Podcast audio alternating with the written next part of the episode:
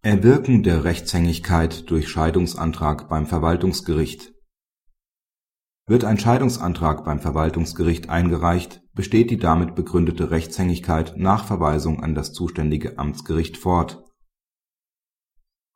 Die bedürftige Ehefrau stellt kurz vor Volljährigkeit der bei ihr lebenden Tochter Scheidungsantrag an das Verwaltungsgericht, welches den Antrag an das Amtsgericht verweist den kurz nach der Volljährigkeit der Tochter gestellten Prozesskostenhilfeantrag der Frau lehnt es jedoch wegen fehlender örtlicher Zuständigkeit ab.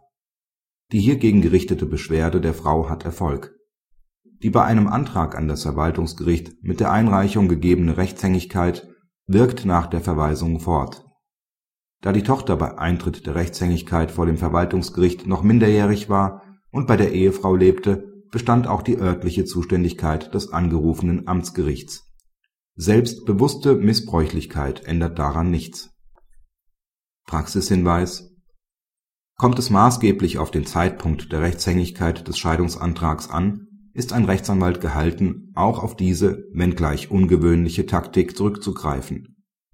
Entscheidend ist dabei darauf zu achten, dass der Antrag beim Verwaltungsgericht auch tatsächlich förmlich eingeht und zunächst ein Aktenzeichen vergeben wird, bevor die Unzuständigkeit erkannt wird. Nach dem Kammergericht begründet dagegen ein beim Sozialgericht eingereichter Antrag die Rechtshängigkeit nicht